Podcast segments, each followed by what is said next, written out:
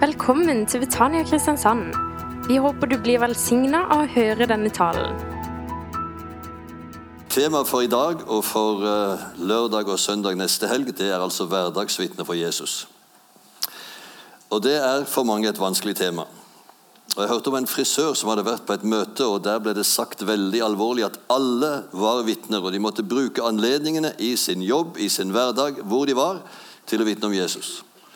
Og Dette grep han sterkt, så han bestemte seg for at første kunde i frisørsalongen neste dag skulle han vitne for. Første kunde var en eldre mann som skulle ha en gammeldags barbering. Ja, ja, han sto der og kvesset kniven. Lurte på hvordan i all verden skal begynne denne samtalen. Men til slutt så tok han sats. Er du beredt til å dø?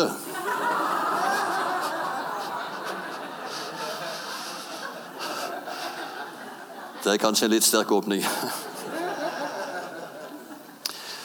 Men min erfaring er, ut ifra eget liv og ut ifra samtaler med mange andre kristne, at det å være et vitne for Jesus, det er veldig vanskelig. Og Derfor så holder vi stort sett møter i håp om at noen skal komme dit og bli frelst. Og Jeg hadde et evangeliseringskurs for mange år siden for ti indremisjonsforeninger, som det het den gangen. Og Så sa jeg nå vil jeg stille to spørsmål først, og jeg vil ha så nøye svar som mulig. For det første, hvor mange møter har dere arrangert i løpet av det året som har gått? Fra i fjor på denne tiden til nå. Jo, de fleste hadde gjerne et søndagsmøte og et onsdags- eller torsdagsmøte, og så hadde de gjerne en evangelisk aksjon vår eller høst. Så hver forening representerte 100 ganger 10 er 1000 møter. Altså, Det er jo fantastisk. Tenk på alt det arbeid og den innsats som ligger bak talere, sangere, varme opp lokaler osv. Det er jo imponerende. Jo da, de nikket og var veldig enig i det. Så kom spørsmål to. Hvor mange har blitt frelst i løpet av siste året? Kan jeg få så nøye tall som mulig? Ingen. Ingen her heller. Ingen, så vidt vi vet. Ingen, ingen, ingen, ingen. Ni stykker sa ingen, så vidt vi vet. Og den tiende sa én. Så fint, sa jeg. Hvordan ble han frelst? Nei, det var, en, det var en i forening som var så minnet om at han skulle gå og snakke med naboen en kveld, en kveld han ga seg over til Gud. Ett besøk, en frelst. Tusen møter, ingen frelst. Nå har ikke jeg sagt at vi skal slutte å holde møter. Vi trenger å komme sammen for å oppbygges på vår høyhellige tro. Men skal vi vinne mennesker for Guds rike, så er det ikke nok å sette inn en annonse i avisen eller sette opp en plakat og si at alle skipbruddene som ønsker å bli reddet, kan komme til oss, så skal vi redde dere. Vi må faktisk sette båten på vannet, så må vi ut der de er. Og jeg vet dette er vanskelig. Jeg hadde studert teologi i syv år og var livredd for at noen skulle spørre meg kan du hjelpe meg til å bli en kristen. Og Hvis det begynte å bli litt varmt på et møte, så skyndte jeg meg å slutte av ganske fort, så ingen skulle komme og spørre om å bli frelst etterpå. Men heldigvis hadde jeg en god venn i Oslo. Og Han sa Oddvar, du må bli med ut og evangelisere. Ja, jo, sikkert det. Og han ga seg ikke. Så til slutt så sa jeg ok, jeg skal bli med. Men bare for å be og se, og så får du gjøre jobben. Ja, greit det. Han gikk på husbesøk på studentbyen på Ås landbrukshøgskole. Vi møttes en mørk kveld. Det var på denne tiden. Og så sa han jeg har fått et sånn godt ord i kveld. Kast garnet ut på andre siden av båten, så skal det få fisk. Og Nå har jeg gått på denne siden av gaten i høst, så i kveld begynner vi på denne siden. Andre siden av båten. ok, tenkte jeg. Det var sikkert et greit bibelord. Vi ringte på i første huset i første leilighet i første etasje. Det var en student fra Stord. Han hadde dessverre ikke tid til å snakke med oss, for han leste det eksamen. Ja, men det skal ikke ta lang tid, dette her, sa min venn. Ja, ja, kom inn, da. Så begynte vi å snakke litt om løst og fast, om studien hans og så videre og så videre. Og så spurte min venn har du hatt noe kontakt med kirke og kristen virksomhet. Jo, han kom fra et kristent hjem, og han hadde gått i yngres Jo, jo, han kjente litt til dette her. Men etter hvert som min venn begynte å fortelle om hva Jesus betydde for han, så ble han mer og mer interessert. Og så begynte han å dele evangeliet med han. Og denne gutten liksom bare lyste opp. Det var akkurat som han ikke hadde skjønt hva det gikk ut på før. Og så hørte jeg til min forundring at min venn spør du, hva er det egentlig som hindrer deg å ta imot Jesus som din frelser og herre. Jeg tror ikke det er noe, sa han. Ja, vil du ta imot Jesus som din frelser og herre nå i kveld? Ja, sa han. Og så var jeg vitne til, på første husbesøk som jeg noen gang var med på, at den første vi vitnet for, ga seg over til Gud. Og da fikk jeg blod på tann. Da skjønte jeg at her er det noe jeg må lære. Her er det noe vi må gjøre. Og jeg fant ut at uh, vi burde gjøre noe i nabolaget der vi bodde i Oslo. Så jeg fikk med et par andre kristne venner, og vi inviterte rett og slett naboer rundt til å bli med i en gruppe for å snakke om tro og liv. Og til vår forundring så sa de stort sett ja over hele fjøla.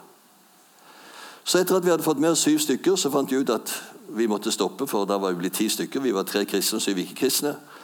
Dette skulle være en 50-50-gruppe, men det ble jo da 3-7. Men vi sa at vi hadde med oss Faderen og Sønnen og så det ble ca. 50-50.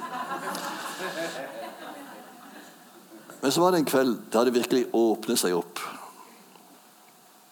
Og vi tre fikk dele hva Jesus betydde for oss.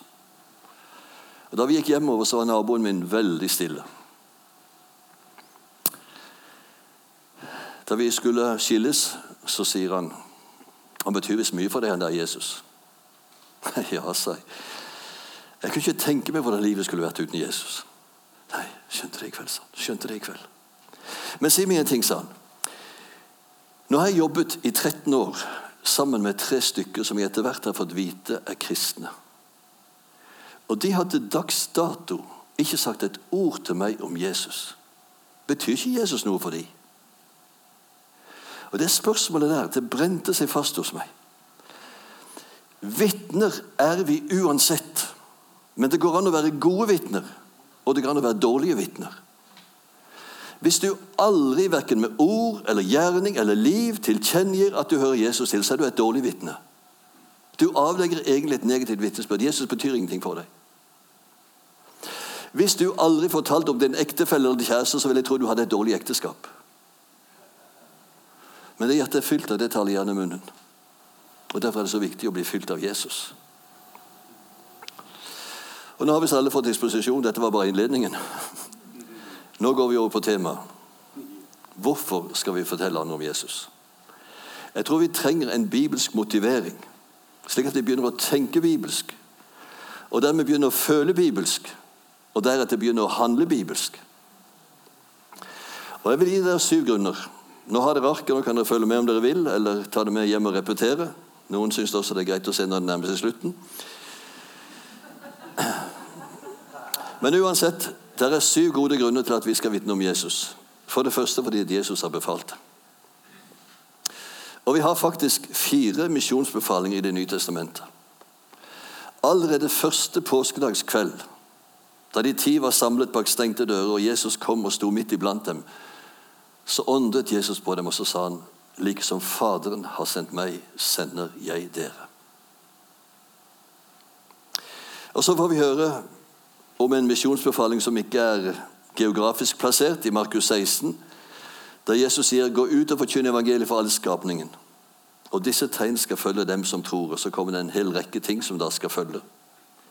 Og Jesus gikk med og stadfestet ordet, står det, ved de medfølgende tegn. Så har vi det som vi vanligvis kaller for misjonsbefalingen, som ble gitt på et fjell i Galilea. Meg er gitt all makt i himmel og på jord. Gå derfor ut og gjør alle folkeslag til mine disipler, idet dere døper dem og lærer dem å holde alt det jeg har befalt. Ikke bare lære om det, ikke bare informasjon, men transformasjon. Gjøre, holde, leve etter. Og så har vi apostelgjerningen 1,8, som er det samme som Slukkas 24, på et fjell på Oljeberget utenfor Jerusalem. Der Jesus sier dere skal få kraft når Den hellige ånd kommer over dere. Og dere skal være mine vitner, både i Jerusalem, Judea, Samaria og like til jordens ender. Og det var akkurat det som skjedde. Disiplene vitnet der de kom. Og de som ble frelst, vitnet. Jeg var forresten på et møte, og der var det en predikant som hadde som tema at Gud kunne vende det vonde til det gode. Og det er jo et sant og riktig utsagn.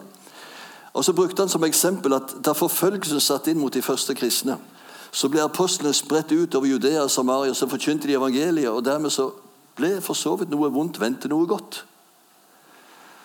Så kunne ikke dy meg, og så gikk jeg til han etter møtet var slutt og så sa jeg, du var ikke helt bibeltro i kveld. Å? Sa jeg noe feil? Ja, du gjorde det, sa jeg. Hva da? Ja, Du sa at da forfølgelse satt inn, så ble apostlene spredt ut forbi Judea og Samaria. og forkynte evangeliet. Ja, ikke det riktig, sa han. Det er jo ikke akkurat det som står der, sa jeg.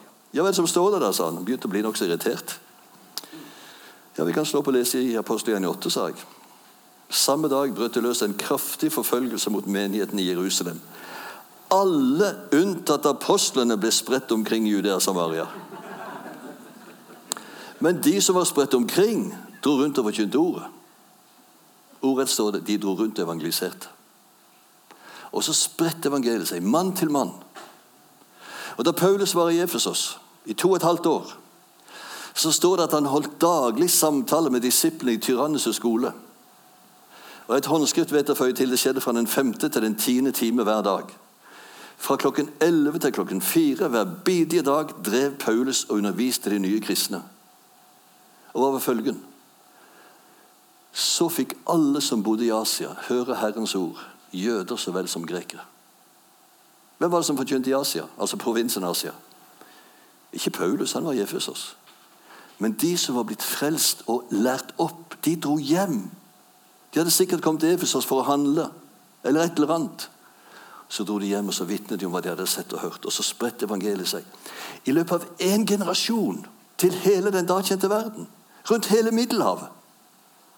Og det er faktisk hemmeligheten. At vi som er blitt Jesu disipler, holder oss etter hva Jesus har sagt, nemlig å gjøre andre til disipler. Og Det ser ut til at i dag har det nesten blitt et sånt skille mellom det å være en kristen og det å være en disippel. Jo, vi er jo kristne, vi bor i et kristent land osv. Men en disippel det er en som lærer hva mesteren har sagt, og gjør etter det. Ordet disippel brukes 261 ganger i Nytestamentet. Ordet kristen bare tre ganger. Første gang var i Antiokia. Der ble disiplene kalt for kristne, står det. Og Det ordet å bli kalt for betyr egentlig å ha som hovedanliggende. Disiplene i Antiokia hadde som hovedanliggende Kristus. Og Derfor ble de kalt kristne, små Kristuser. De så Jesus i dem. Og Derfor ble de kalt kristne. Vi er å sammenligne med en hær under kommando, sier jeg her. Og Dessverre er det mange av soldatene som har sabotert ordren fra vår øverstkommanderende Jesus Kristus. De mener visst at det er nok når offiserene kjemper. La oss betale litt krigsomkostninger, så kan offiserene kjempe. Så kan vi sitte og se på kampen. Aldri har noe slag blitt vunnet på den måten. Nei, soldatene må være med i krigen. Der offiserene leder dem. Og Nå er det altså kongenes konge som befaler oss å gjøre dette. Han som har fått all makt i himmel og på jord. Og Det å ikke ville adlyde hans ordre, det er faktisk majestetsforbrytelse. Hvor i Bibelen blir misjonsarbeid nevnt som en frivillig sak du kan engasjere deg i hvis du har lyst, spør David Platt i en meget radikal bok som heter 'Radikal'. Nei, det er faktisk alminnelig verneplikt i Guds rike. Jesus har befalt det. Det andre svaret på hvorfor vi skal vitne, det er fordi Gud elsker verden. Hele Bibelens budskap er egentlig samlet i den lille Bibel, Johannes 3, 16. For så høyt har Gud elsket verden, at han ga sin sønn den enbårne, for at hver den som tror på ham, ikke skal gå fortapt, men ha evig liv. Gud vil at alle mennesker skal bli frelst og lære sannheten å kjenne. Og Derfor er det han kaller oss til å formidle denne kjærligheten i ord og i gjerning til dem som ikke kjenner ham. Og Det er viktig når vi skal formidle dette budskapet, at vi formidler noe av denne kjærligheten, slik at folk skjønner at vi har noe godt som vi gjerne vil dele med dem. Pliktfølelse og dårlig samvittighet det er ingen god motivasjon til å være et vitne. Du kan tvinge deg selv kanskje til å vitne av og til, men det blir et ork og et slit. Og hvis folk opplever at du nærmest prakker på dem noe som de ikke er interessert i, så vil det skape veldig lite begeistring. Det må være samsvar mellom budskapet som bringes, og budbringeren selv. Dette skal jeg si litt mer om ganske snart. For det tredje fordi verden er fortapt uten Gud. I dag forkynnes det veldig ofte at Gud elsker deg. Ja, det er sant. Men så forkynnes det gjerne Gud aksepterer deg akkurat slik som du er. Gud er fornøyd med deg. Gud er totalt tilfreds med at du er sånn som du er. Det er faktisk et falskt evangelium. Jo, Gud elsker oss. Men samtidig er Gud en hellig og rettferdig Gud som ikke tåler synd. Og Det står faktisk i Romene 3,23 at alle mennesker er av naturen under Guds vrede. Her er det ingen forskjell. Alle har syndet, og de har ingen del i Guds herlighet. Og Guds dystre dom over sin falne skapning lyder slik det finnes ikke én som er rettferdig, ikke en eneste. Og Da kan ikke Gud være fornøyd med oss. Jeg siterte Johannes 3, 16. 20 vers lenger ute i samme kapittel står et vers som vi veldig sjelden siterer. Men det lyder slik.: Den som tror på Sønnen, har evig liv. Men den som ikke vil tro på Sønnen, skal ikke se livet, men Guds vrede blir over ham. Er der allerede? Jeg var en kveld på Karl Johan i Oslo mange mange år siden. og Der sto det en frimodig gateevangelist og delte ut traktater. Av en eller annen grunn så tok jeg imot den. pleier sjelden å gjøre det egentlig, men da gjorde jeg det. Og det var en veldig enkel trakat. Jeg husker den veldig godt. På denne siden sto det Hva må et menneske gjøre for å gå fortapt? Svar ingenting. Det er allerede på veien som fører dit. På andre siden sto det Hva må et menneske gjøre for å bli frelst? Tro på Herren Jesus Kristus, så skal du bli frelst, du og hele ditt hus. Ja, men dette er jo skremselspropaganda. Du kan da ikke skremme folk inn i himmelen. Nei, det er det Guds ord sier. Og La meg bruke et bilde. Sett at du en kveld går forbi naboens hus. Du kikker inn gjennom vinduet, du ser at de sitter foran TV og koser seg.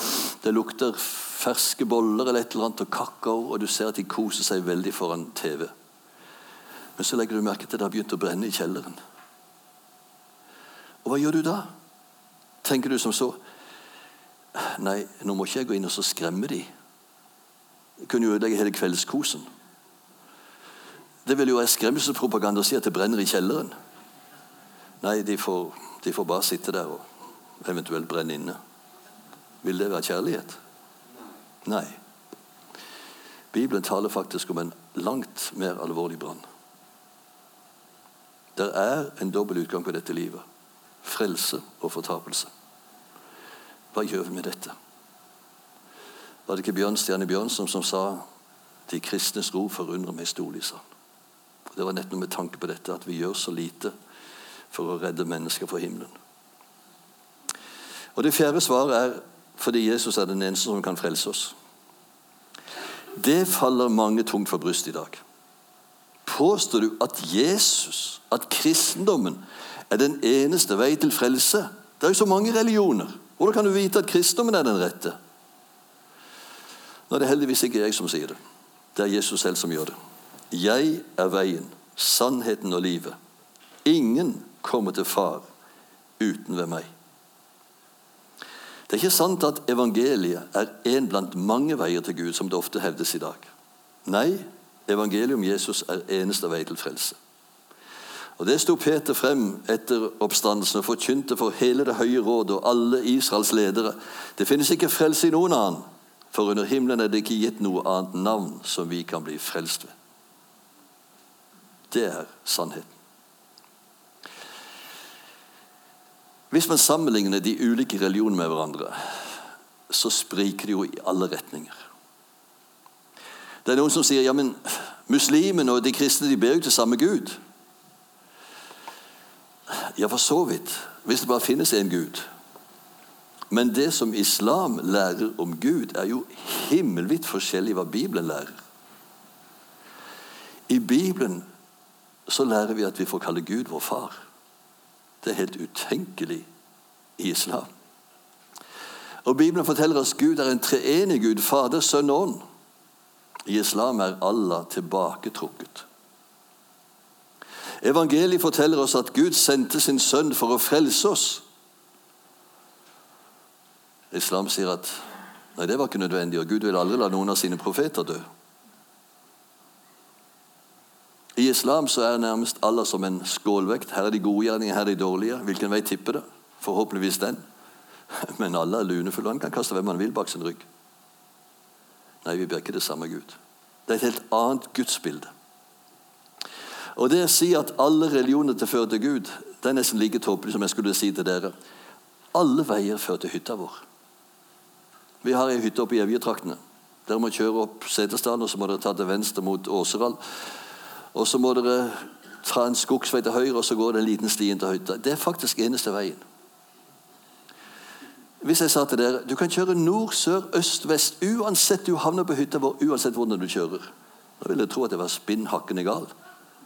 Og akkurat like dumt er det å si at alle veier fører til Gud. Alle religioner fører til Gud. Det finnes én vei, og vil du til himmelen, så må du gå den. For det femte vi skal vitne om Jesus fordi vi står i gjeld om vi ikke deler arven. Det står et ord i Romen 1,14 som jeg lurte lenge på. Jeg står i gjeld både til grekere og andre folkeslag, til lærd og ulærd. Derfor er det jeg ønsker å forkynne evangeliet også for dere i Roma. Hva i all verden er det Paulus taler om? Jeg står i gjeld. Hadde ikke han fått ettergitt all sin syndeskyld? Var han ikke gjeldfri? Jo, i den forstand, ja. Men hva slags gjeld er det han taler om, da? Og så fikk jeg lys over det en dag. La meg bruke følgende bilde. Sett at jeg hadde en rik onkel i Amerika. Så døde han. Og så fikk jeg et rekommandert brev fra Amerika. Fra en advokat i California, der min onkel bodde. At han hadde testamert sin store formue til alle sine nivøer og nieser, alle som han var onkel til. Om jeg ville være så vennlig å administrere arven her i Norge. Ok? Da kunne jeg gjøre ett av to. Jeg kunne gjøre det som testamentet sa. Dele med alle mine medarvinger. Alle mine fetter og kusiner. Eller jeg kunne tenke som så. Haha, dette er det ingen som vet om. Disse pengene skal jeg sette inn på min konto. Hva ville da vært situasjonen? Jeg ville stå i gjeld. Ikke sant? Jeg var skyldig til å dele arven med alle mine medarvinger. Og Det nye testamentet forteller oss at da Jesus døde, så ble vi egentlig arvinger til himmelens herlighet. Og dette må arvingene få vite om. Ellers så står vi i gjeld. Vi har fått vite om dette. Og vi har ikke lov til å holde de gode nyhetene for oss selv.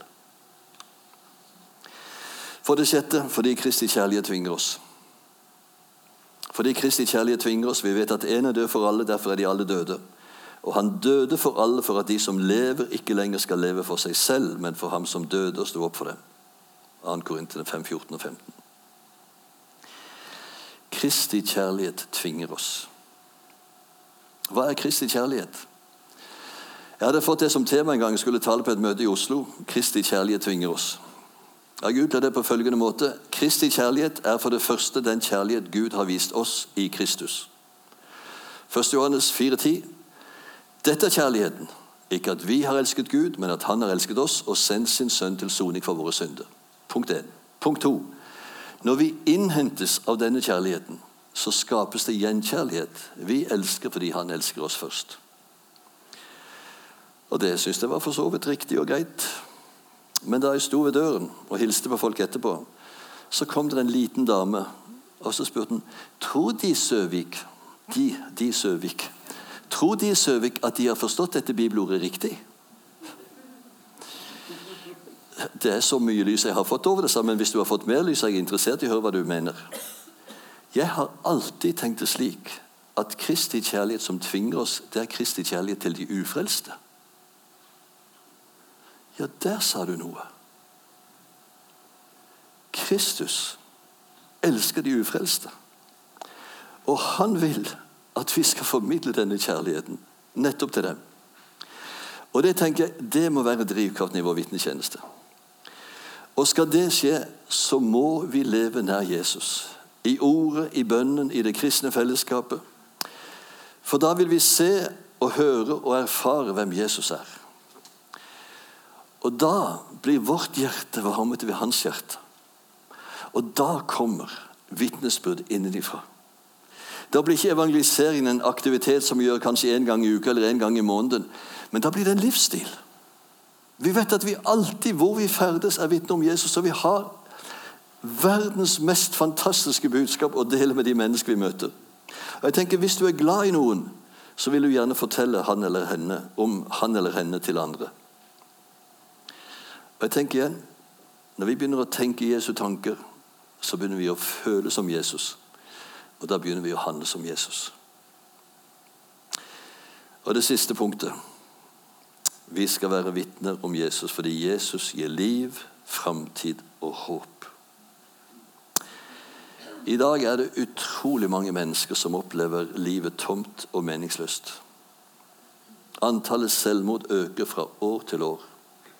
Antallet unge mennesker som sliter med psykiske problemer, øker fra år til år. Er skremmende høyt. Bortimot 20% av ungdom under 20 år sliter med psykiske problemer, leste jeg nettopp. Menneskene i dag har alt, men hvis det er alt de har, så har de lite å leve for og enda mindre å dø på. Jesus kom for at vi skulle ha liv og overflod. Og liv i overflod betyr ikke materiell velstand, men et liv som flyter over til andre. Og her er vi ved det som skiller kristendommen fra alle andre religioner. Og som dere sang så flott om liv. Alt har blitt nytt siden Jesus kom inn. Det er det det dreier seg om. At alt kan bli nytt. Alle religioner de legger vekt på hva vi må gjøre.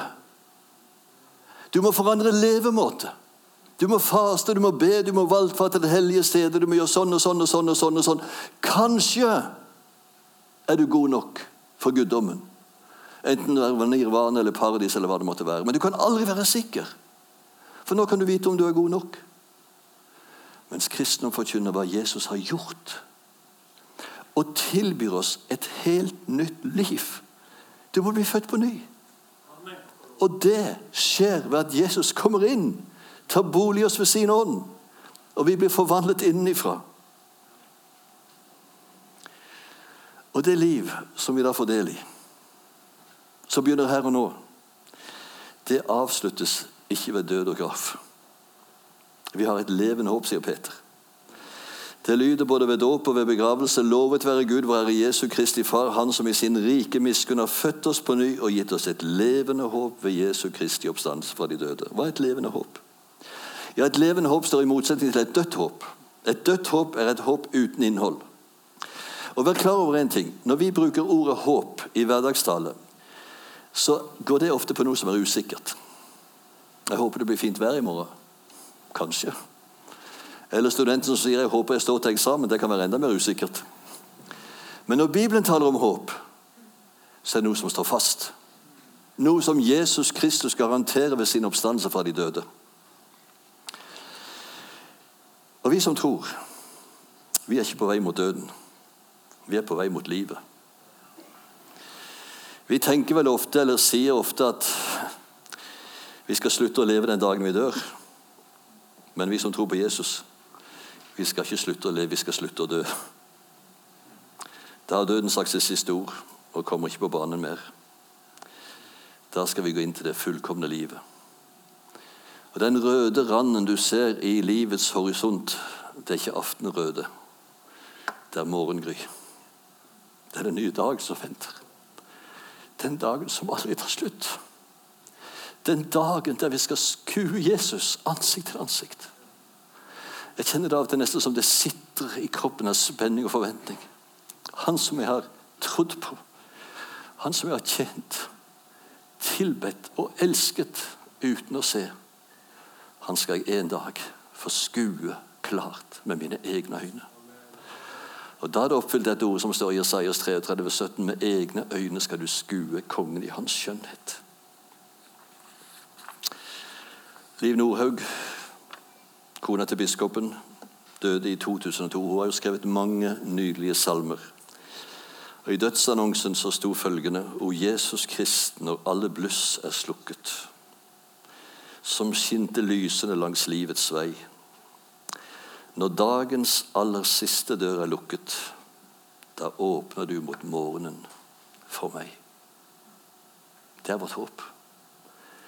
Og det er om å gjøre at vi får med oss så mange som mulig. Da er døden tilintetgjort. Og derfor kan Paulus juble ut. Død, hvor er den brodd? Død, hvor er den seier? Døden er ikke den siste. Jesus er den siste. La oss be. Herre Jesus Kristus, takk for at du har kalt oss et levende håp ved din oppstandelse fra de døde. Og takk, Jesus, at du døde for alle. At du døde for oss, for at vi som lever, ikke lenger skal leve for oss selv, men for deg som døde og sto opp igjen for oss. Jesus, så har vi misjonsmarken like rundt oss i nabolag, på jobb, blant venner der vi bor, overalt vi ferdes. Takk, Herre, at vi skal få lov til å vandre i gjerning som du har lagt ferdig. Og så vil du gå med alle dager og alle slags dager inntil verdens ende. Amen. Så skal vi altså ha et seminar som begynner klokken 11. Og Da skal vi gå litt mer praktisk til verks. Da er temaet 'Hvordan vi kan være hverdagsvitner'. Og Vi skal snakke litt om hvordan du kan bruke ditt personlige vitnesbyrd, hvordan du kan møte innvendinger mot troen, og hvordan du kan dele evangeliet. Så jeg håper dere har sjanse til å sette av noen timer nest, eller førstkommende lørdag om ei lita uke for å bli mer dyktiggjort til hverdagsvitner for Jesus. Du har nå hørt en tale fra Betania Kristiansand. For mer informasjon kan du besøke våre hjemmesider på betaniakrs.no.